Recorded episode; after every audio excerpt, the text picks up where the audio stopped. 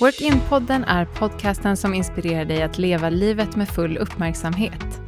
Här utforskar jag, Gabriella Picano, tillsammans med intressanta gäster hur man kan träna sina mentala och själsliga muskler.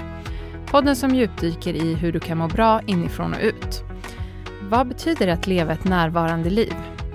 För mig betyder det att leva livet på sina egna villkor och utanför ekorrhjulet. Att det man gör kommer från ens hjärtas längtan och inte från en massa måste, borde och man ska ju. Att man lever sin sanning helt enkelt.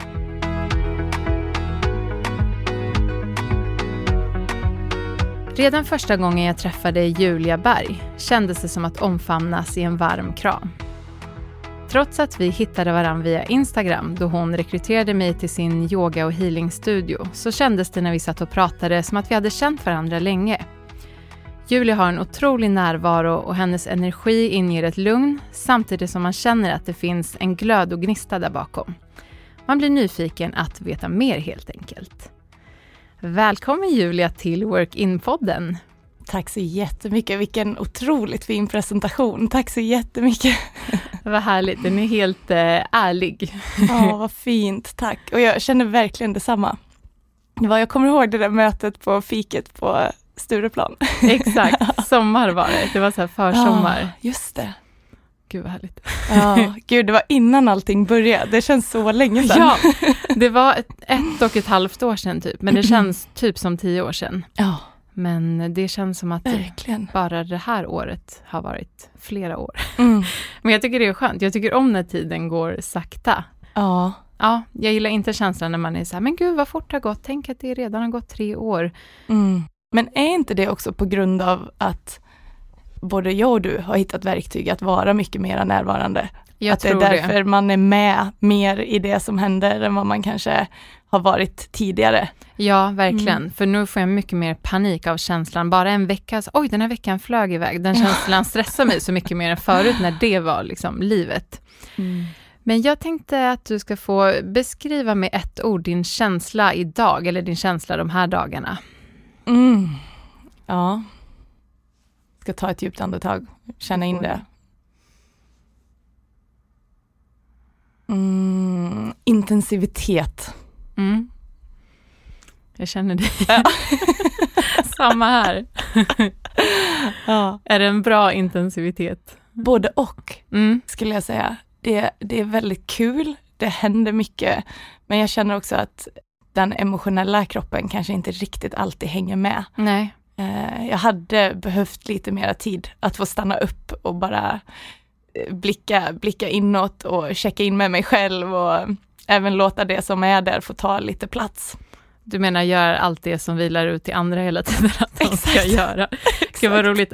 Medan du sa det här så kom jag på att jag brukar börja innan vi spelar in med att här, ta en minuts meditation med gästen och det glömde jag nu för att jag också har liksom lite den, apropå att vi är så närvarande. Okej, okay, nu kör vi. Ja. Men det är väl härligt att man är fint. mänsklig också, tänker jag. Verkligen. Så det, podden får vara vår meditation. Det är härligt. Jag brukar mm. tänka på det vi kommer komma in på det, men du instruerar ju också och coachar och så, att man har i alla fall ett jobb där man måste vara helt närvarande, för att man är med mm. människor och man eh, instruerar och pratar, så att man kan inte riktigt sväva iväg.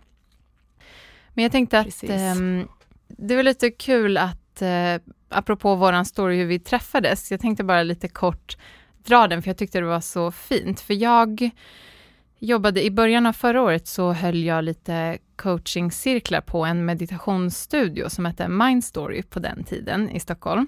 Och eh, den var en jättehärlig plats som jag kände att gud vad kul, jag trivdes så bra och det kändes som någonting lite nytt i den här tränings och yogavärlden och att det var helt nytt för mig att hålla på att eh, coacha i meditation.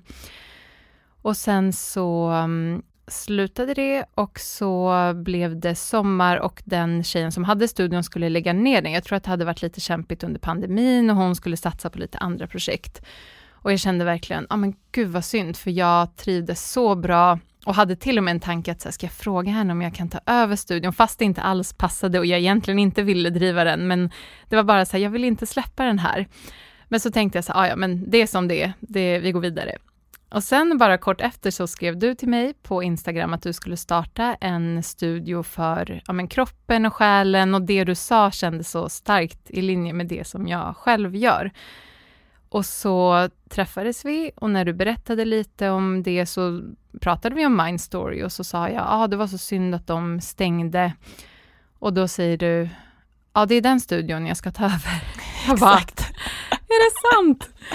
Och det ja. kändes så fint att det var samma lokal. Ja, ja. och då var det så, okej, okay, då fick jag ändå vara kvar på den platsen och det var mm. meningen att jag inte skulle släppa taget, liksom än. Mm.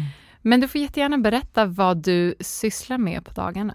Ja, men jag driver då I am Studio i Stockholm, en studio för healing och en plats där man verkligen får möjlighet att läka och även prova på nya saker och bli inspirerad och inspirera. Och där erbjuder jag både yogaklasser som jag håller i och eh, CAP-klasser som är en energiaktivering som håller på att växa sig ganska stor nu i Sverige, vilket är så kul. Och sen jobbar jag även som intuitiv coach och utöver det så är det mycket roddande med studion och vi har ju många lärare som har klasser där, inklusive du, vilket är så kul. Så det är allt möjligt. Ena dagen är man liksom lite halvt rörmokare och nästa dag är man elektriker. Jag lajvar det mesta om dagarna nu. Det är så kul, för du har säkert hört den här, gud vad mysigt att driva en yogastudio, för de som kommer in ser att du står där och tänder lite rökelse och det är någon skön musik och allt är så harmoniskt, men det är det här behind the scenes som man ofta ja. inte vet om. Verkligen. Så det är eh, säkert helt fantastiskt, mm. men också mycket, mycket jobb och just det här att det är, det är högt och lågt. Mm. Men eh, vad kul, du ska få berätta, för yoga tror jag de flesta har koll på. CAP börjar bli större. Du får berätta gärna vad det är för någon som inte har någon aning. Mm. CAP står för Kundalini Activation Process och det är en eh, energiaktivering där man aktiverar vår livskraft. Så Kundalini betyder livskraft. Och det är en energi vi alla har tillgång till, men genom eh, livet så brukar den pressas ner och tryckas undan. Och det vi gör i CAP är att vi liksom väcker den här kraften till liv. Och eh, det finns även stora inslag av non-duality i CAP som är när vi vilar i medvetandet, vilket är väldigt kraftfullt just för att bli mer närvarande och um, hela den biten. Så det händer väldigt mycket i CAP. Det, det är svårt att ta det i, i liksom korta ord, men det, det, är väl så gott som jag kan beskriva det om du inte vill att jag går in riktigt på djupet. Nej, vi ska prata om annat också, men det mm. är, um, man kan säga om folk, jag har testat det, jag tycker det är helt fantastiskt, men jag tycker också att det borde upplevas, för det mm. är ju, man kan säga att det är fysiskt, liksom en, eller det kan ju vara fysiskt, så det är ju som en klass, att man, man ligger på en matta och sen kan det ju hända mycket saker i kroppen, och ser man det på film så kan det se ut lite som Exorcisten, oh. så jag tycker på ett sätt att det är bra att man får se det på film, eller att ni gör demos innan klasserna, för då kan man veta vad man ska förvänta sig, samtidigt som man kanske inte vill se det för att inte ha någon förväntan på upplevelsen. Mm. Men jag säger bara, om du är du nyfiken generellt så testa det, för det är en otroligt häftig upplevelse. Ja, det är det verkligen. Dels upplevelsen under klass är ju jättehäftig om man är väldigt känslig och får liksom känna av det första gången man går. Eh, det tar ju olika tid för folk att faktiskt känna av energin. Vissa behöver några gånger innan man känner någonting. Men sen även effekterna i livet som det har är så häftigt just att intuitionen blir starkare, vi blir mycket mer närvarande och följer eller kommer närmre vår egen sanning. Det är mycket svårare att gå emot den. Mm. Och det i sig är ju en sån superkraft. Verkligen. jag har både gråtit på Capclass och jag har rört mig och gjort ja, men olika positioner och rörelser som jag kanske inte ens kan, eller tror att jag kan, kanske under en vanlig yogaklass. Men det häftiga är efteråt, det känns som att man blir så kristallklar, liksom både känsligare, men att man upplever allt som att om man eh, liksom tar på sig glasögon eller linser och ser allting lite skarpare i mer detalj. Mm, verkligen. Sen så är du mm. även eh, intuitiv coach och vad betyder det? Eh, det innebär, det är en coachingmetod som är framtagen av True Vibration Academy, där hela konceptet går ut på att man coachar från hjärtat. Så som coach så gäller det att själv droppa ner i hjärtat när man sitter med sin klient och guida klienten därifrån. Och som med all typ av coaching egentligen så handlar det om att ställa frågor så att klienten själv kan ta sig till roten av det, det problem man har eller den situation man har behov av att eh, coachas i och för att på så vis börja kunna programmera om eh, så att man hittar nya strukturer och strategier i vardagen som man mår bättre av. Häftigt. Mm, det är verkligen det är en otroligt fin, fin teknik och det går väldigt fint hand i hand med CAP eftersom CAP också är som en, det är verkligen som den djupaste formen av terapi och jag har ganska mycket klienter som börjar gå på CAP hos mig och sen kommer de och kör eh, en, eh, liksom, en period av coaching i samband med det och det händer så otroligt mycket när man får lite guidning i det också. Ja, vad häftigt. Är det inslag av healing i coachingen eller är det att man pratar, sitter och pratar mest eller hur går det till? Vi sitter och pratar, men jag skulle säga att allt är healing mm. egentligen när det görs med närvaro. Allting är en form av transmission, alltså en, en energiöverföring, även nu när jag och du sitter och pratar och det, det skapar ju en aktivering av något slag och när man sitter där och faktiskt går på djupet av kanske ett sår man har som man har haft länge i många år eller vad det kan tänkas vara och börja komma ner till roten av det och faktiskt börja läka det, få syn på vad det verkligen handlade om, så är ju det healing i allra största grad, skulle mm. jag vilja säga. Vad fint. Jag tycker att det är spännande med personer som, nu ska jag inte klumpa ihop, men personer som du, eller du, eh, när man träffar dig, du känns så närvarande, du känns som att du har jobbat väldigt mycket med dig själv och att du har den här harmonin men också förmågan att coacha andra. Och det som är spännande med det är att ofta så finns det en, någonting bakom det, en väg eller någonting ett trauma kan det vara, eller flera, någonting mm. som har hänt som har gjort att man har tvingats eller velat jobba med sig själv. Hur har, hur har den resan varit för dig, att du har kommit in på att göra just det du gör nu? Ja, men när det kommer till personlig utveckling, så det har jag verkligen haft med mig sen, sen jag var barn. Min mamma är lärare, nu, nu är hon pensionär, men eh, har jobbat som lärare eh, hela livet och har den det mindsetet att eh, alltid titta inåt och se till sitt eget handlande i olika situationer och hur hade jag kunnat göra annorlunda för att den här situationen skulle fått ett annat utfall eller sådär. Så den, den eh, liksom delen och det sättet att tänka har jag haft med mig ända sedan jag var liten. Men sen eh, har det ju såklart hänt saker på, på vägen som har gjort att det intresset har vuxit mycket större hos mig och där jag har sett direkt eh, feedback på olika metoder och tekniker och hur jag har kunnat må mycket bättre och kunnat snabbare hitta hitta liksom, den röda tråden i olika situationer. Och jag var, jag var i en relation när jag var 25, så det är ju det är snart tio år sedan. Helt sjukt vad fort det går ändå när man tänker tillbaka på det sättet. Och tack och lov också, höll jag på att säga, att det faktiskt är länge sedan, så att man är där man är idag. Men eh, en relation som inte var särskilt bra. Med en man som verkligen i vissa stunder var världens finaste, men i andra stunder verkligen tryckte ner mig och när det väl tog slut, eh, både första och andra gången, så var jag riktigt, eh, riktigt nere och visste, visste knappt vem jag var. Jag kände mig som en urvriden trasa. Självkänslan var i botten och mitt eget värde var någonting som jag knappt ens reflekterade över längre. Så det blev verkligen startbanan på den stora resan för mig, skulle jag säga. Där jag aktivt började söka metoder för att läka och för att komma tillbaka till mig själv och hitta tillbaka till dels min intuition och känslan av vad vill jag, vem är jag, vad känner jag?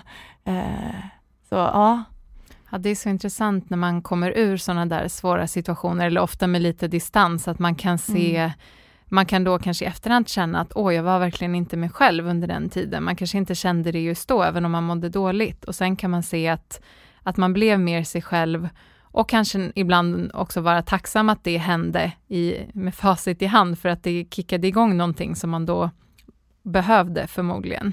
Verkligen, alltså verkligen. Jag, är, jag hade nog aldrig jobbat med det jag gör idag om jag inte hade varit med om, om, om det. Det tror jag inte. Men det är intressant för det, det har kommit upp lite grejer i, i liksom sammanhang med det här såret bara den senaste veckan och jag har mm. inte tänkt på det här på så länge. Mm, Men nu, intressant. ja jättespännande och jobbigt såklart. Det är ju alltid så när man växer. Det är, liksom, det är inte, Gud, det är inte smärtfritt. Nej, det här med att vara tacksam, det kan man vara sen när man är liksom förbi det. Sen kommer den där. Man bara snälla, bara låt mig få vila liksom. Mm. Men eh, det är intressant för nu när jag blickar tillbaka på den personen jag var då och försöker möta den delen av mig med så mycket kärlek jag bara kan och så här, att jag tillät mig själv att bli behandlad på det sättet och förlåta mig själv för mm. det. Jag tror att det för mig har varit den största grejen och jag har inte riktigt tänkt på det tidigare. Då när jag var i det så var det fokus på att bara så här läka hjärtat på något sätt och mm. komma tillbaka liksom dels från att eh, få hjärtat krossat av någon man var så himla kär i men också för att man själv hade tillåtit sig själv att bli behandlad på det sättet. Och ja, det är spännande. Det är mycket, mycket som händer i och med det. Var det lite som en skam då över att du, åh jag tillät mig att du inte såg de liksom tecknen eller kan du känna det i efterhand? Ja, jag, just nu är jag liksom där, där jag kan känna att jag ser att den skammen fanns efter, fast att jag inte såg det då. Mm. Och nu är det kanske också ta det ett steg längre, att så här, förlåta den delen av mig som kände skam för det. Som också tog ansvar för hans handlingar. Det är så lätt att göra det. Verkligen. Men det är intressant det du säger med att förlåta sig själv, för det är så svårt. Om någon annan gör något mot en, det kan ju också vara svårt att förlåta, men det känns som vi alltid har en annan mjukhet och acceptans till det andra mm. gör. Eller jag i alla fall kan vara så hård mot mig själv, även om ja, men jag gjorde något fel eller jag gjorde något som jag i efterhand inte var så smart, så är jag så hård att jag kan inte släppa taget utan så här, mm. okej okay, det där var inte bra, men det är så fint att tänka att man måste också förlåta sig själv, för ibland är det som att om man inte förlåter så kan man inte heller sen gå vidare. Då är det som att det är, som du säger, ett litet sår som kommer tillbaka. Ja, men du är alltid så här, ja, du är alltid så, att du aldrig lyckas med det här. Det är som ja. att det är så lätt. Och det är så lätt att ha den där kritiska rösten mot sig själv. Verkligen, och det är ju så fort det finns någonting som fortfarande triggar en i någon form av story så är man ju inte klar med Nej. den. Utan då är det ju någonting kvar där som ligger och gror liksom. Mm. Men det är spännande när man kan titta på det från betraktaren och bara säga vad är det, vad är det som liksom gömmer sig här, vad är det den vill säga mig? För mm. alla, all, allting som triggar oss vill ju egentligen tala om någonting för oss. Ja. Och visa oss någonting. Ja gud, det är så intressant med triggers, det ska vi absolut så kul. gå in på. Kul inom citattecken. Lärorikt. Nej ja. men att eh, jag har verkligen övat senaste, ja men kanske två åren på det här att mer betrakta mig själv, kunna se det här, alltså släppa egot, kunna se mig själv utifrån, antingen tänka som, som att jag var en vän om jag ska ge mig själv råd, inte alltid den här hårda kritiska rösten, men också betrakta som du säger, när det kommer någonting, en trigger, en utmaning, att säga okej, okay, vad ska det här lära mig. Och du är en så stor inspiration i det här att observera sig själv utifrån, tycker jag. Mm, Men om vi pratar om triggers, för det har jag känt jättemycket den här hösten, att jag blir så lätt triggad av allt. Nej men av alla. Allt och alla. Jag tror mest i jobbsammanhang och det kanske är för att jag slår mig in på en lite ny bana med work-in och liksom nya saker som det är alltid obekvämt att vara utanför comfort zonen samtidigt som jag älskar förändring och jag älskar att göra nya saker och brukar inte vara rädd att testa och inte ens här rädd att ja, vad ska man säga, misslyckas, göra något och sen så bara, nej det funkar inte, och då gör jag något annat. Jag har verkligen inte någon prestige i det. Det hade jag jättemycket förut, men det har jag tränat bort. Vad fint, ja. modigt. Ja, tack. Ja. Men däremot så inom jobb då, då om jag ser så här, ah, kolla den här, gud det går så bra för den, och den där, ah, den har balt på i fem minuter och redan fått det här uppdraget.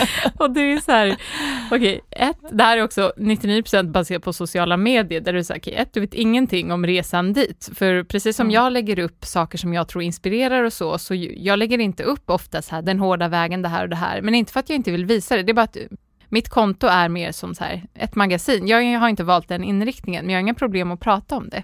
Kanske borde prata om det mer, kanske får göra det i podden. Ja, jag tror också att folk längtar efter det där. Jag tror också längtar det. efter äkthet och djup och bara få se liksom vad, vad är det som händer mer än bara det man lärde sig. Liksom. Ja, precis, mm. när det är klart. Typ. Ja.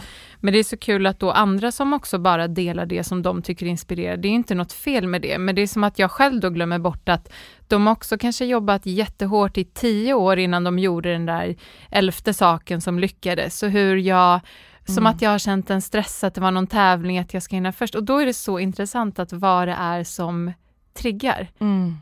Hur känner du med triggers? Har du känt dig triggad liksom på sistone? Nej men gud. Varje dag? Nej jag är aldrig triggad. Skönt. jo, absolut. Alltså det är ju triggande att bara vara människa, tänker jag. Ja. Livet är en trigger. Livet är en trigger. Och man ska komma ihåg också att en trigg är ju inte bara negativt, utan det är en, en när man säger så här, någonting triggar, det är att det triggas en känsla. Mm. Det triggas någonting i vår kropp, liksom, i vår emotionella kropp. Och vad det, vad det är som triggar spelar kanske inte alltid så jättestor roll utan det är egentligen känslan bakom triggern mm. vi behöver titta på. Och idag är jag så, jag är ganska bra på att hitta den känslan bakom. Och jag kan ta mig dit ganska snabbt i de flesta fall och då löser triggern upp sig. Och ibland så nu övar jag på att också tillåta mig själv att bara vara triggad.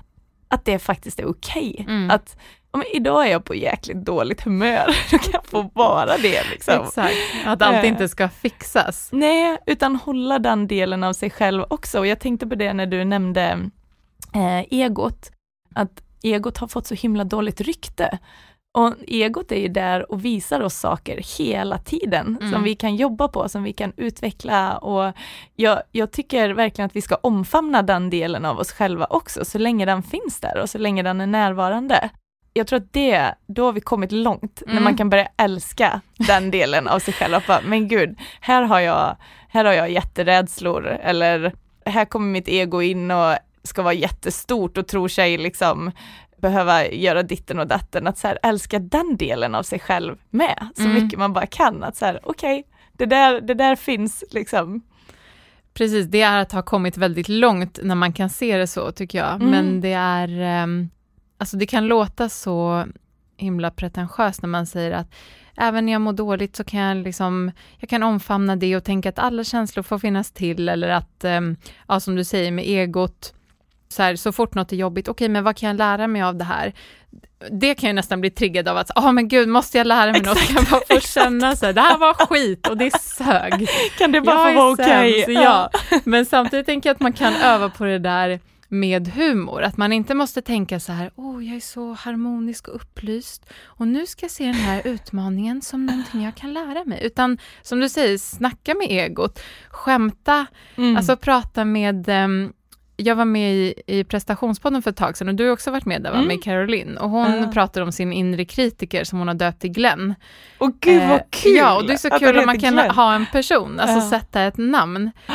och bara säga så här, men gud, och det kan man göra på sitt ego eller sin den här inre rösten, att då kan man ha lite mer skämtsam dialog med sig själv, istället för att det alltid behöver vara att man strävar, för det kan ju bli lätt lite perfektionism tycker jag också inom, ja. inom det här med självutveckling, gud, att så här, vem har kommit längst och vem är mest upplyst, mm. utan mer så här, för som du säger, ego, det har alltid varit så, åh, du får inte vara i ego, du ska bara vara så distanserad till alla känslor, men vi är ju också människor. Mm. Och då kan man försöka se egot istället på det sättet, som du säger, att den visar oss saker hela tiden och ta det som vägvisare men inte heller ha den här stressen att varje dag måste jag utvecklas personligt. Du kan också bara vara, du behöver inte ta varenda sekund mm. utan chilla däremellan också. Ja, och vara tillåtande mot sig själv där.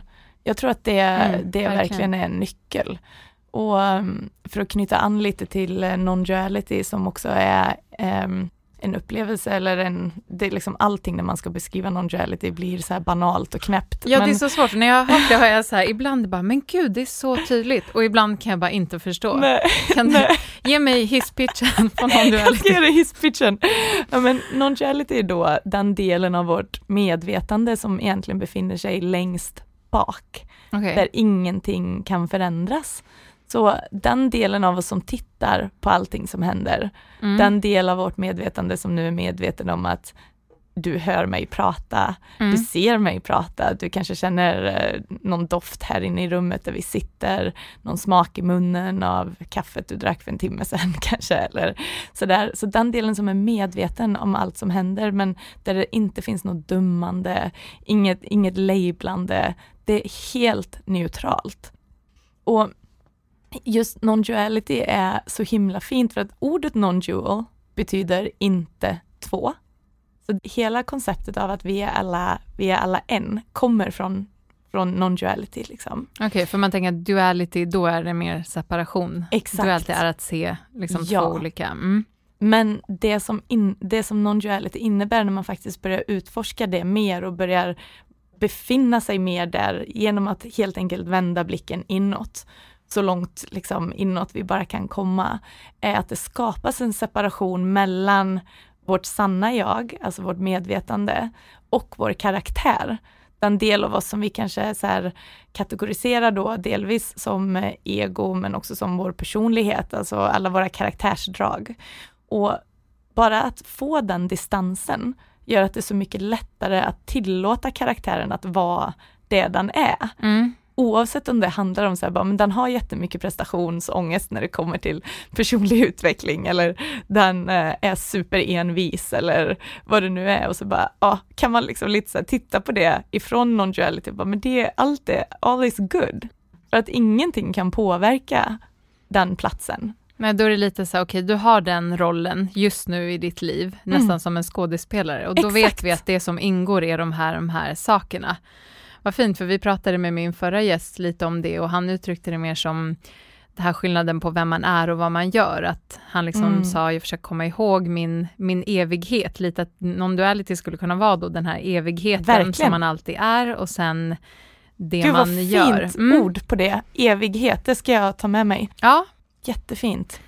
Ni kan eh, koppla ihop er, eller får ni lyssna på varandras avsnitt, ni kan nog inspirera varandra. Ja. Ehm, ja, och då är the million dollar question, hur gör man det? Det här vända sig inåt, är det i meditation? Så här, nu ska jag Ja. sätta på non-duality. Jag skulle säga att man kan göra det egentligen när som helst. Men om man vill börja utforska non-duality så är meditation ett väldigt bra sätt att göra det på, eller CAP till exempel. Men just meditation, fördelen med det om man kan få någon som guidar en i non-duality, så är ju det, då får man verktyg till att hitta dit själv Mm. på egen hand. Men det finns eh, en teknik som heter self-inquiry som är väl kanske den mest kända tekniken för att eh, guida sig själv eller andra till non-duality där man hela tiden ställer frågorna till sig själv. Mm. Så self-inquiry, så, så här, när en tanke kommer bara, vem är det som säger det? Hur vet jag det? Ja. Vem tittar? Vem tittar? Och så hela tiden backa bak, liksom. så långt bak man bara kan komma. Och till Ja, slut när det inte finns några fler frågor, då är man där. Då är man framme. Då är man där. Och det är väldigt, en väldigt lugn plats att vara på. Det är som att hela nervsystemet kommer ner och kroppen liksom bara landar för att man ser att ingenting spelar någon roll här. Och det är det som är så himla häftigt och man kan ju tolka det här hur man vill men som, som jag, karaktären Julia pratar jag ifrån nu, tolkar det som att det är så här som du sa, vi skådespelare i den här pjäsen och fasiken var kul. Passa Mm. på att utnyttja det, att Mm. vi är här, har fått det här, liksom den här köttkostymen och bara den här stora liksom scenen Mm. att leka på.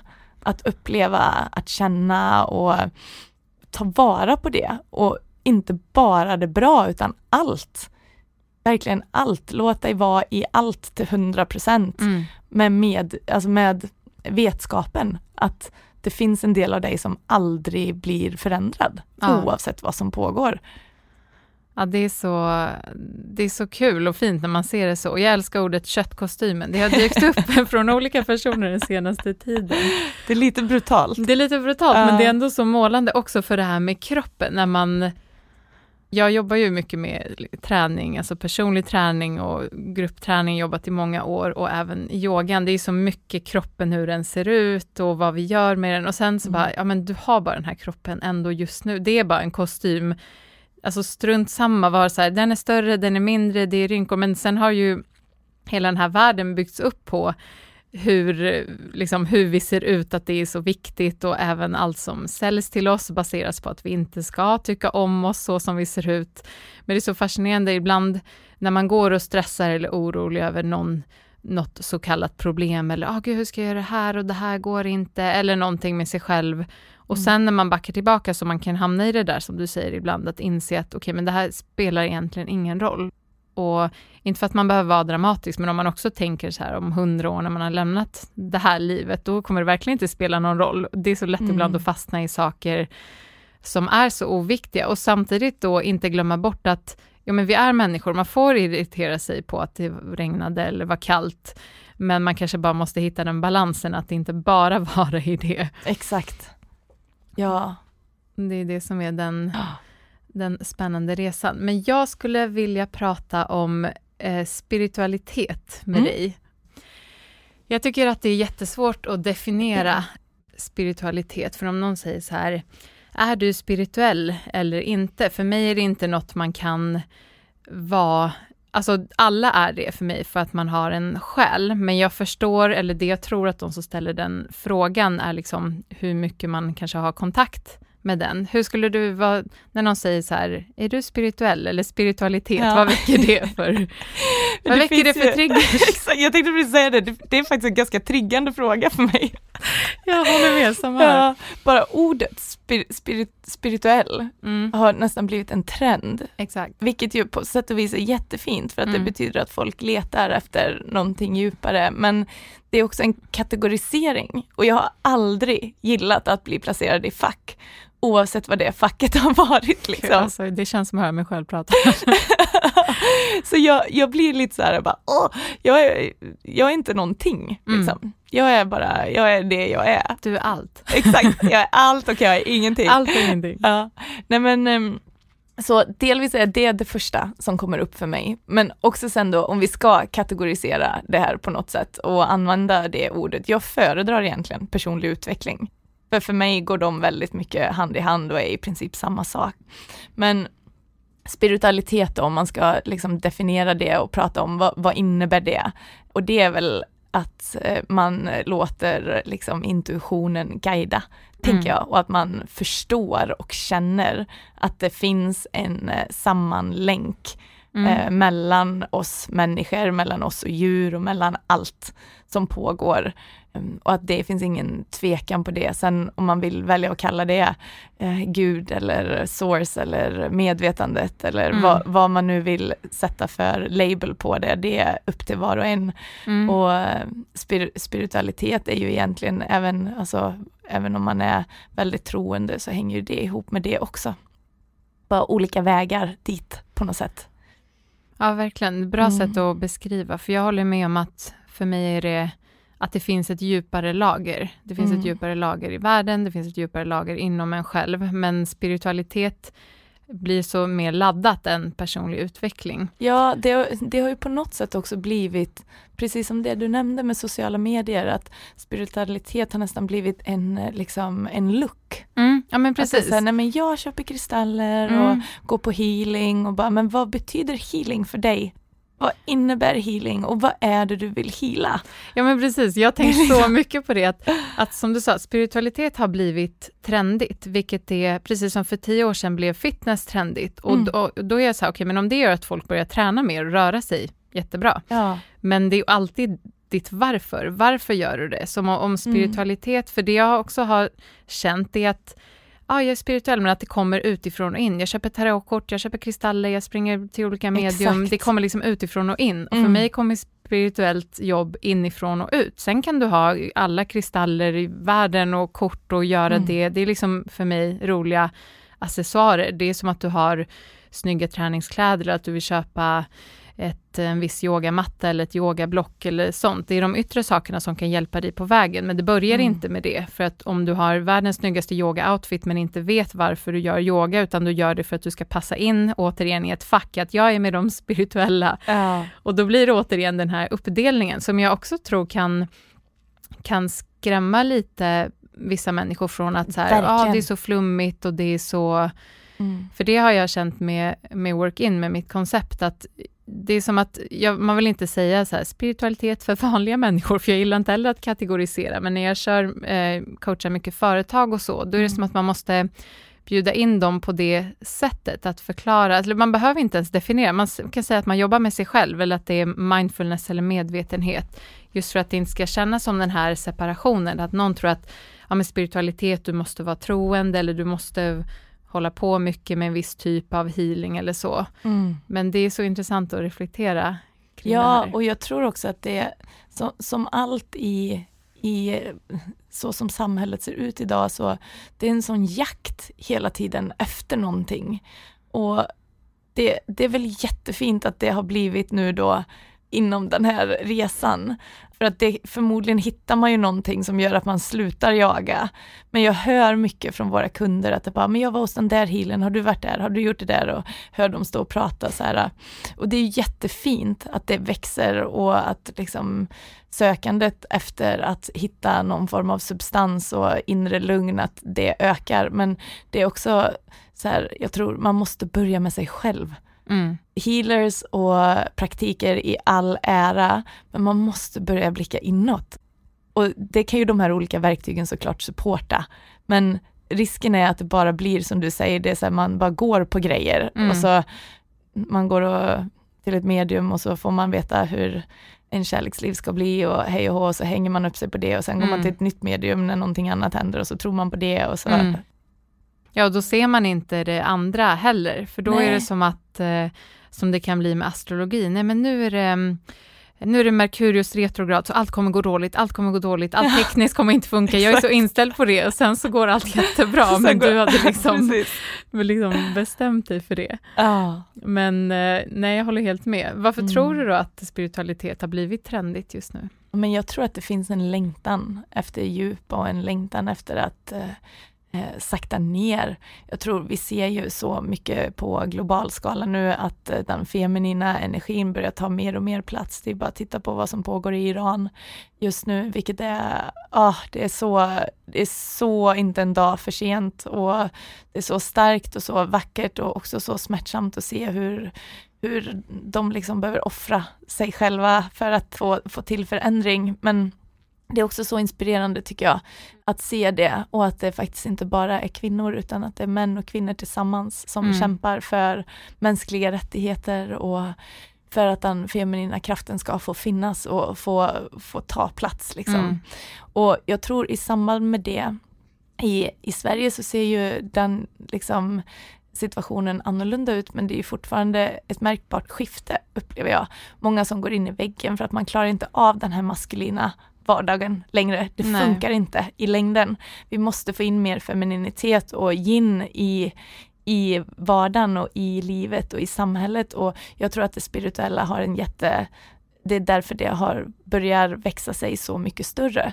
För att där finns det liksom en mjukhet och verktyg till att hitta det där inre och lugnet och jag tror yogan är en jättestor liksom ingång mm. till det.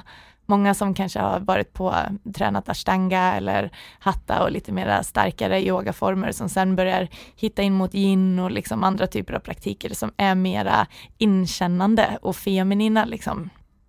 Och det sker ju såklart på ett energetiskt och ett globalt plan, den typen av förändringar och oavsett om man är medveten om det eller inte så tror jag att det är det som händer. Och att det, det är därför liksom. Det tror jag också och jag tror att det är bra att den här förändringen visar också vilken kraft det finns i det feminina. ja, till exempel Iran, Ja. men Mm. inte bara att för att vi har haft det här hårda maskulina, det sättet att, alltså energin pratar vi då om, det sättet att prestera, att jobba, att göra saker Precis. och den behöver också finnas och det feminina behöver inte bara vara vila, ta det lugnt, Nej. gå på yin-yoga, men det tror jag att Mm. många är lite rädda för. Ja. Men nu tycker jag att man börjar se att det finns sån kraft i det där lugna, för det är ju när du liksom som att du laddar upp som en våg, du liksom laddar upp lugnt och mjukt för att sen bara explodera. Exakt. och det, den kraften är starkare för den känns mer uthållig. Det maskulina är liksom upp ner, upp ner, Mm. brinner, slocknar, Mm. medan det feminina är som att det är som en kraftfull våg. Och vi behöver Ja. ju lära oss att leva de här balanserna, men nu har vi levt så mycket i det maskulina så vi behöver kanske lite övervikt av det feminina energin ett tag. Verkligen, och jag tror också om man pratar om de olika energierna så är ju det feminina även kreativitet och inspiration och eh, intuitivt. Mm. Medan det maskulina är slutförande, struktur och mera liksom eldigt på det sättet. Mm. Och de är ju fantastiska tillsammans. Men just det där att bryta sig ur de strukturerna som finns i samhället nu kanske kräver att det kommer in lite mer femininitet för att det behöver förändras och bli mer hållbart i längden. Det tror jag verkligen. Mm. Precis, när man pratar om hållbarhet, att det handlar inte bara om miljön och den typen av hållbarhet, utan hållbarheten i människor. Och just Ja. att eh, jag tror att det feminina, det sättet att eh, prestera som det maskulina är, det är inte hållbart, utan vi kan göra det under en viss tid, men som vi ser så mycket utmattning och stress och så, så behöver vi det andra som en motvikt. Ja, jag ser också det. Vi har en del samarbeten med företag på studion där de har stående klasser hos oss och bara det att eh, företag vill satsa på den delen för sin personal, att så här, vi vill ge dem en timme i veckan där de får bara blicka inåt, för att det är viktigt. Vi Mm. behöver medarbetare som mår bra och som har den eh, liksom, fördjupningen i, i sig själva för att de ska trivas på jobbet men också för att få bra resultat. För det hänger ju ihop. Mm. Ja, verkligen. Jag märker också det med att jag coachat företag senaste åren just med meditation och mindfulness. Att det, Mm. Träning har länge varit på företag, fysisk träning, men att man börjar förstå den här, de här pauserna och just som du säger, inte bara alltid att man behöver pausa från stressen, men just att blicka inåt och lite hitta riktningen, varför man gör någonting, inte Mm. bara jobba på, utan blicka tillbaka, förstå vilken väg man är inne på. Precis. Av nyfikenhet, vad har du sett för resultat när du har jobbat mot företag med, med den typen av coaching? Liksom? Det som jag har fått, eh, det vi har gjort har varit att vi har en kort meditationssession, kanske 15 minuter och sen så reflektionsfrågor. Så då har jag Mm. haft olika teman, kanske återhämtning, det brukar vara populärt, eh, medveten närvaro, Undrar varför? Undrar varför? det behövs inte alls. Eh, men även typ relationer, drömmar, eh, lust och passion. Så då är det som att de får skriva dagbok. Så vi, jag har kört det mest digitalt. Så sitter alla, antingen är de på kontoret eller om de jobbar hemma. Jag brukar tvinga dem att skriva med papper och penna så att de också får det meditativa i att skriva och pausa från skärmarna. Ofta har de haft under lunchen eller under eftermiddagen att det har varit en en skön paus på dagen, just det här hur man också ser när man sitter på Zoom, så ser man hur folk Första minuterna av meditationen, det är alltid någon sitter och vrider sig, man kliar lite i huvudet och någon som alltid måste titta och liksom hålla koll. Och speciellt om man är på kontoret, vilket jag förstår, för det är en onaturlig setting att meditera i. Mm. Men sen deras blick och deras ansiktsuttryck när de öppnar ögonen efter meditationen, det är som, Ah. ja, det är som den bästa botoxbehandlingen. Alla ser tio år yngre ut. Och sen så har jag Ja. fått som feedback att de har känt i längden att det har gett dem en, ett annat fokus i jobbet, en annan Mm. närvaro, men jag tror på ett personligt plan har de flesta sagt att det har väckt frågor som kanske egentligen är självklara, men fått dem att reflektera, ja men sånt som man kanske inte stannar upp. Någon annan kan bara fråga, men har du tänkt på, Julia, vad, vad känner du att du vill ha mer av i ditt liv och vad vill du ha mindre av i ditt liv? Det kan vara den typen av fråga. Mm. Det är ingen avancerad fråga i sig, men du kanske inte har tagit dig tid att sitta och skriva ner det, men du kanske känner att någonting skaver för att du har för mycket av det du inte vill ha i ditt liv. Och då kanske det väcker en liten gnista att du börjar tänka, Mm. okej, hur kan jag göra det annorlunda? Gud vad fint. Mm, vad det är kul. det. Jättekul, jättetacksamt. Men jag tänkte på um, dig innan eh, IAM och innan det, det här så mm, du har ju precis som jag också bytt bana. Mm. Det kan du få berätta kort om, för det som jag är nyfiken på är just det här när man går lite utanför det som alla andra gör eller ändrar riktning. Hur kan man gå den vägen utan att tänka så mycket på vad alla andra ska säga? Mm. Det där är ju en väldigt bra fråga men den är svår att besvara för jag har aldrig gjort vad folk förväntar sig att jag Nej, ska göra. Det har kom, kommit väldigt naturligt för mig. Ja, vad skönt. Um, men jag jobbade ju inom modebranschen i många år innan som mönsterkonstruktör så jag har ritat passform på kläder. Och det är ju verkligen en helt annan bransch. Och för mig så till slut var det, det jag kände med mitt jobb där var egentligen att jag bara behövde någonting annat. Det var för, ehm, för stängt, jag kände mig liksom begränsad, jag kände mig inte fri. Jag jobbade väldigt mycket, upplevde att jag inte hade tillräckligt med tid för återhämtning och för att göra roliga saker. Det blev alltid på bekostnad av min fritid, för Mm. att jag också älskade mitt jobb. Och jag tycker fortfarande det är ett jätteroligt jobb. Och det är så lätt att liksom sitta och fastna och finns det jobb så kan man sitta hur länge som helst. Mm. Så för mig, det började med att jag skulle ta en paus, eller jag sa upp mig och bara nu ska jag vara ledig resten av året, ut och resa, göra bara lustfyllda grejer. Och sen eh, har det blivit som det har blivit. det blev inte bara, bara liksom sex månaders paus, utan Nej. nu sitter vi här tre år senare. Och Ja, jag, precis. Mm, Ja, gud vad fint. ja. Men ehm, har du varit så som du var liten, att du alltid har gjort, alltså är det att du har varit rebellisk, att så här, nu ska jag inte göra det någon förväntar sig, eller är du bara otroligt duktig på att följa ditt hjärta? Jag tror att jag har, att min inre röst alltid har varit väldigt högljudd. Så att det har varit svårt för mig att gå emot den. Um, framförallt när det har kommit till val, vad jag vill göra och vart jag vill bo och så.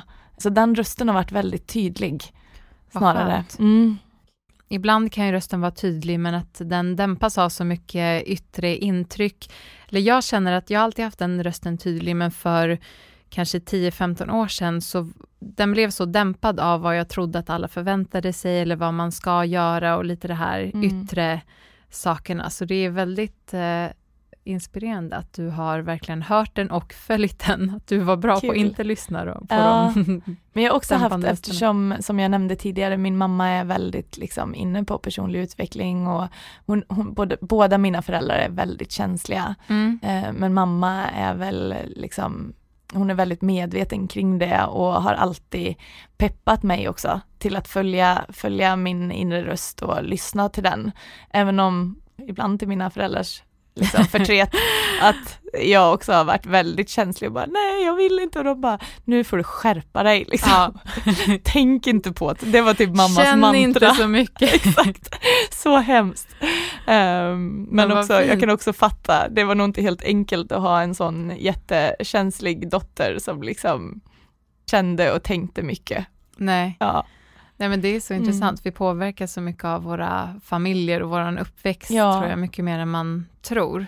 men just där tror jag också så att ha en, grund, en grundtrygghet, vilket jag är så tacksam för att jag har haft och det har jag fått med mig såklart från, från det att jag var barn och att jag har alltid vetat att jag har haft min familj bakom Mm. mig, vilket ju såklart hjälper.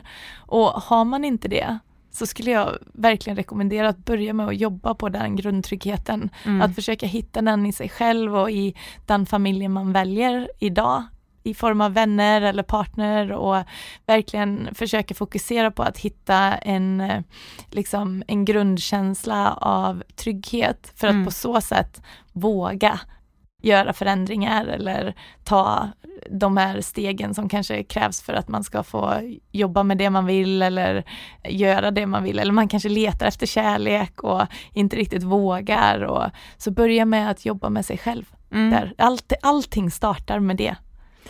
Verkligen, det är den enda Mm. personen man också alltid kommer att ha, så det är ju värt Ja. att investera i den relationen till sig själv. Sen Mm. såklart tacksamt om man har också en väldigt trygg familj som man vet, jag har också det och Mm. syskon, du har syskon också va? Mm, jag har en storebror. Mm. Mm. Ja men det, det är sån lyx Mm. att få ha, det är som att man alltid vet att de finns. Sen kan man ha sina vänner och så utöver det, men eh, ja vad fint. Mm. Jag vet inte om det besvarade din fråga, gjorde det det? Jo, men det, alla blir jättetriggade och bara, vad skönt, hon har alltid haft den här intuitionen, kul för henne. Nej, men det är bra tips ja. att... Um... Men sen, jag kan ju också säga det, att som när jag var i den här relationen som jag nämnde tidigare, så liksom trycktes ju min inre röst ner jättelångt ner i skorna. Så jag vet hur det är att inte hitta den där rösten också. Ja. Och liksom köra över mig själv och det är inte enkelt. Men Nej. där är det verkligen bygga upp sig själv igen och bara duscha sig själv med kärlek. Om det är svårt att göra det själv, be om det. Mm. Be om hjälp. Var aldrig rädd att be om hjälp. Mm. Nej, det tror jag att många är. Ja. Nej, men jag tycker verkligen det är ett bra tips att börja med sig själv. Men hur skulle du säga att, för det är ju väldigt svårt för många att det här att älska sig själv eller att ens tycka om sig själv. Mm. Och när du säger be om hjälp, vad skulle du säga är ett bra tips att starta om man känner att man har väldigt låg självkänsla eller inte mm. kan acceptera vissa delar av sig själv? Men jag vet, jag gjorde det efter när den där relationen tog slut, så när jag liksom eh, började förstå att så här, bara, gud, jag vet inte ens, finns det någonting som är bra med mig liksom? Mm. Då började jag fråga familjen och mina vänner, och bara, vad, vad tycker du om mig? Hur skulle du beskriva mig liksom? vad fint eh, och så bara på det sättet också fick jag, fick jag liksom höra hur de upplevde mig, hur de såg mig och då blev jag så här, men gud okej, okay, det finns ju någonting med mm. mig som folk tycker om. Mm. Alltså gud vad deppigt det låter, men, ja, nej, men, men, det var, var verkligen så. Men vilket bra sätt, för det är ju ja. så lätt att man, som med allt, man hänger upp sig på kanske sina motgångar eller det mm. som är dåligt, ja men som att man har man håller i någonting, man kanske har en föreläsning och hundra personer sa att det var bra och en person sa att det var mm. dåligt. Eller det kan man ju bara ta på en, på en gruppträningsklass, så kan jag känna efter, jag har instruerat i tio år, det kommer in en person som är lite sur, känns lite missnöjd, kanske inte ens är det, men bara mm. den energin. Ja. Och sen alla andra är jätteglada, vilken fin klass, och så har man hängt upp sig på den enda mm. personen. Och då kan man ju försöka att komma ihåg allt det som är bra och ibland kanske till och med skriva upp kan ju vara ett sätt, speciellt kanske när det handlar om mer personliga saker med ens självkänsla, mm. att, att skriva ner. Verkligen, skriva är ett så bra verktyg för mycket. Men jag tror också att med eh, att bygga upp sin självkänsla och där, komma tillbaka hem till sig själv, så använd de personer man har runt omkring sig och också om det är så att man faktiskt känner att man behöver liksom, ordentlig hjälp, sök hjälp, var inte mm. rädd för det. Det är otroligt värdefullt att ha någon att gå och prata med oavsett om det är en coach eller terapeut eller vad det kan tänkas vara eller om man har någon annan metod som man känner funkar. Yogan var jätteviktig för mig just mm. då, där jag fick liksom landa i kroppen och bara genom att göra det mm. och intuitivt få röra på kroppen så kom jag tillbaka till mm. min intuition och liksom började höra den igen. Att bara, mm. Nej men den vill inte göra en nedåtgående hund nu, den vill göra det här. Och så mm. Bara genom att sakta men säkert börja lyssna på enkla saker och kunna förstärka den liksom. Ja, det är bra tips. Jag tycker också kroppen är så viktig att, eller jag har så stort behov av att röra känslorna genom kroppen, processa saker genom kroppen och det behöver inte mm. alltid vara med jättetung träning, men jag tror att om man tappar kontakten med kroppen så har man liksom, för kroppen är ju köttkostymen men också mm. på något sätt själen och det som bär alla känslor. Mm. Och då tror jag att vi måste hitta sätt att, att röra på oss, att få kontakt med kroppen så man inte är helt avstängd ja, från huvudet verkligen. och ner. Och sen om det är att man vill dansa själv i vardagsrummet eller att man eh, går och simmar. Det kan ju vara också med, med sinnena, man går och badar i kallt vatten eller varmt vatten, mm. eller man tränar på gymmet eller man går på yoga, men någonting där man känner att man får förflytta, för ofta när man har rört sig på något sätt, det säger nästan alla, det finns ju också kemiska reaktioner som ja, gör att ja, vi visst. mår bra efter det, och kanske mm. får släppa huvudet lite. Det är otroligt viktigt och eh, det, att så här, det är väldigt lätt att vi flyr från vår kropp när vi inte mår bra, mm. att vi bara vill bort som någon form av liksom, eh, så här, säkerhetsmekanism mm. som händer liksom, när vi är i flight or fright. Exakt. Och um, jag tror att där är det just att så här, komma tillbaka in i kroppen är nyckeln. Jag gillar verkligen det. Yoga betyder ju union of mm. body, mind and soul. Och det är så himla sant och det måste inte vara yoga som praktik utan mera konceptet av mm. yoga, att liksom röra kroppen tills dess att man blir så närvarande att man kan hamna i meditation. Precis. Det är egentligen det. Mm. Inget annat kan få plats då. Nej. Nej, det, det är verkligen sant. Innan vi börjar avrunda, för tiden går så fort när man Mm. pratar om så härliga Ja. saker. Eh, men jag vill bara dyka in lite på surrender. Det är väldigt svårt att hitta. Jag skulle säga att ge sig hän är den bästa översättningen. Väldigt Ehm, fint. Kanske. Mm. Men ehm, ibland låter ord bara bättre på engelska. Men jag gillar inte att blanda engelska så mycket, helst om det går. Mm. Men det pratar ni ju väldigt mycket om i CAP. Alltså när man Mm. gör CAP så ska man eh, släppa taget och ge sig hän. Och vad skulle du säga är, för det är ju typ det svåraste som finns ibland, att faktiskt ge sig Ja. hän till livet. Och när livet utmanar oss, vad skulle du säga är några bra verktyg för att ge sig hän? Mm. Men generellt, så när vi har svårt att ge oss hän och släppa taget är oftast när vi känner en, en känsla av att vi behöver ta kontroll Mm. över situationen på ett eller annat sätt. Och det är ju mycket den maskulina energin som funkar så. Och då kan man tänka, tycker jag, så här, men hur kan jag möta det här på ett mera feminint sätt? Hur kan jag flöda med och faktiskt följa med istället för att försöka hålla i? Och verktyg för det kan ju vara, som vi pratade om nu precis, så här, röra kroppen. Oavsett vad det är för situation där man känner att man inte riktigt vet hur man ska hantera den. Att bara ge sig själv en 10 minuters shaking är till exempel jätteeffektivt tycker jag. Att bara ställa sig och skaka kroppen i eh, några minuter och sen liksom komma tillbaka till om det är något beslut man behöver ta eller vad det kan tänkas vara. Men det är egentligen mitt, mitt absolut bästa sätt att försöka tänka på att okej, men jag vill ju följa med. Jag vill ju vara med i det som händer. Och även om det är liksom någonting jättetråkigt, vilket död är ju ett ganska bra eh, ämne. Du bara nej, det är för mörkt. Nej, men Nej, det är om- så bra för att få perspektiv på livet. Ja men det är faktiskt det. Och om man tänker sig att man har någon närstående som kanske ligger för döden eller som har någon allvarlig sjukdom eller liknande så att man vet att döden liksom är på väg. Så kan det ju finnas jättemycket känslor som kommer upp i det och trig- triggers och man kanske får eh, dödsångest för den här personens skull. Och man bara, gud, hur, vad kan jag göra för att rädda den här personen? Vad kan jag, vad kan jag göra? Eh, Hur kan jag ta kontroll för att det här ska kännas mindre? Mm. Det är ju egentligen oftast det Mm. det mynnar ut i att den här situationen är jobbig. Jag kan inte vara i den och på något sätt måste jag fly. Så hur kan jag Mm. göra det? hur kan jag göra det på ett så här hjälpsamt sätt? Liksom? Ja, ja, men lite så. Jag kan inte styra Mm. upp det här, så jag styr upp något annat som jag kan hålla stenhårt i. Exakt, och så fort vi gör det så springer vi ju bort från nuet.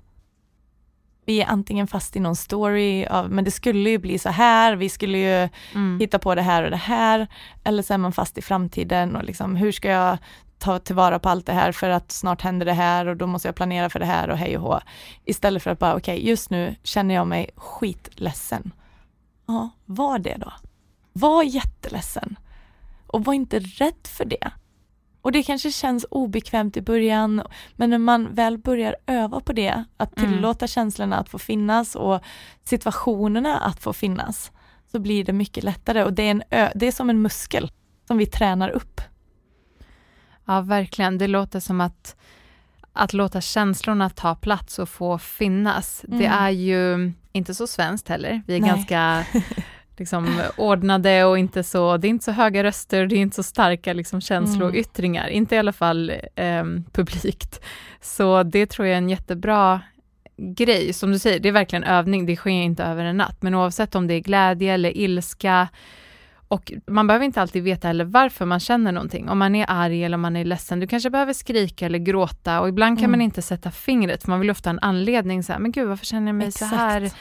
Eh, Så bara, "Ha, är det PMS? Nej, det kunde man inte skylla på. Så vill man hitta någonting annat. Så bara låta det, bara släppa ut det, jag tror att det är en jättebra Mm. övning för att inte trycka man ner saker så kommer de ju ofta ut på andra sätt. Ja, Och då blir det som ett sätt att släppa kontrollen också, inte hålla i känslorna. Precis. Och det är återigen det där att vi har en vilja av att kategorisera saker Mm. hela tiden. Att så här, varför känner jag så här? Mm. Vad beror det på? Strunt i det. Verkligen. Känn det istället och släpp det sen, för då fastnar det inte i kroppen. Gud, vi är så roliga som människor. Alltså vi är så, vi är så stora och så små på Alltså samma gång. verkligen, verkligen. Ja. Vi ska avrunda med tre frågor jag brukar avsluta med. Mm. Så det första är, eh, vad drömmer du om just nu? Det behöver inte vara liksom en stor vision, det kan vara att du Ah, Drömmer om en drömmer om vila. jag, drömmer om, jag drömmer om en vecka i solen. Oh. Det skulle jag vilja ha. Jag skulle vilja ligga på stranden, läsa en bok och kanske sova. Gud, Bara få somna på stranden. Ja. Härligt. Mm. En work-in-övning som alla kan göra idag. Någonting för dina mm. mentala och själsliga muskler. Vänd blicken inåt. Sitt, sitt med dig själv, slut dina ögon, kanske skaka av axlarna lite och vänd blicken inåt. Känn in, hur känns det? Hur känns det idag? Hur mår hjärtat? Hur mår kroppen? Hur mår knoppen? Och utan att döma, utan att förändra, bara vara med det. Låt det få vara där, oavsett vad det är.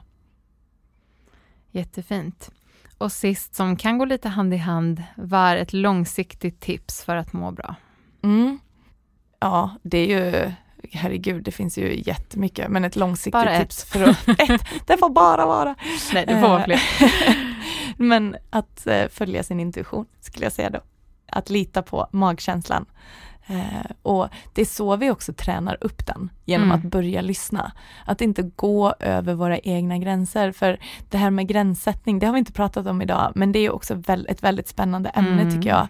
Och det det handlar om är att vi går över våra egna gränser. Mm. Vi, det är att vi tillåter andra och oss själva att gå över våra egna gränser. Och det gör vi ju när vi inte lyssnar på vår inre röst. Mm. Så prova att börja lyssna oavsett om det är små saker som att så här, okej, okay, idag är jag jättesugen på soppa och så vill ens partner eller lunchkompis käka sushi och bara säger bara nej, jag ska ha soppa idag. Då går jag och köper soppa själv. Mm. Simpelt men liksom mm. bara lyssna på det och börja öva på att liksom hedra den delen av dig själv. Mm.